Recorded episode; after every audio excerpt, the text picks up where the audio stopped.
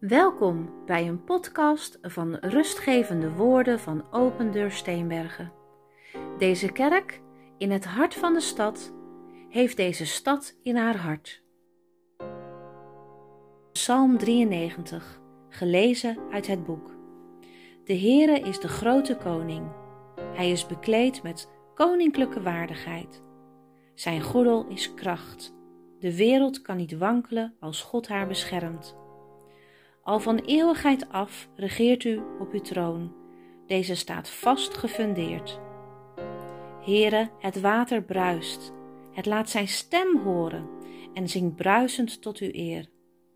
En boven het daverende geluid van al dat water, van al die zeeën, is de grootheid van de Heere zichtbaar. Alles wat u zegt is waar. Wij kunnen u vertrouwen. Alles aan u is heilig als een waardevol sieraad. Dat blijft zo tot in eeuwigheid, heren. Bedankt voor het luisteren naar de rustgevende woorden van Opendeur Steenbergen. Ga onder de zegen van God. God de Vader zegent jou met zijn eeuwige liefde. God de Zoon zegent jou met vergeving voor alles wat je fout hebt gedaan en geeft jou een nieuw leven. Ontvang de Heilige Geest in jouw hart en ervaar zijn vrede, liefde en blijdschap. Amen.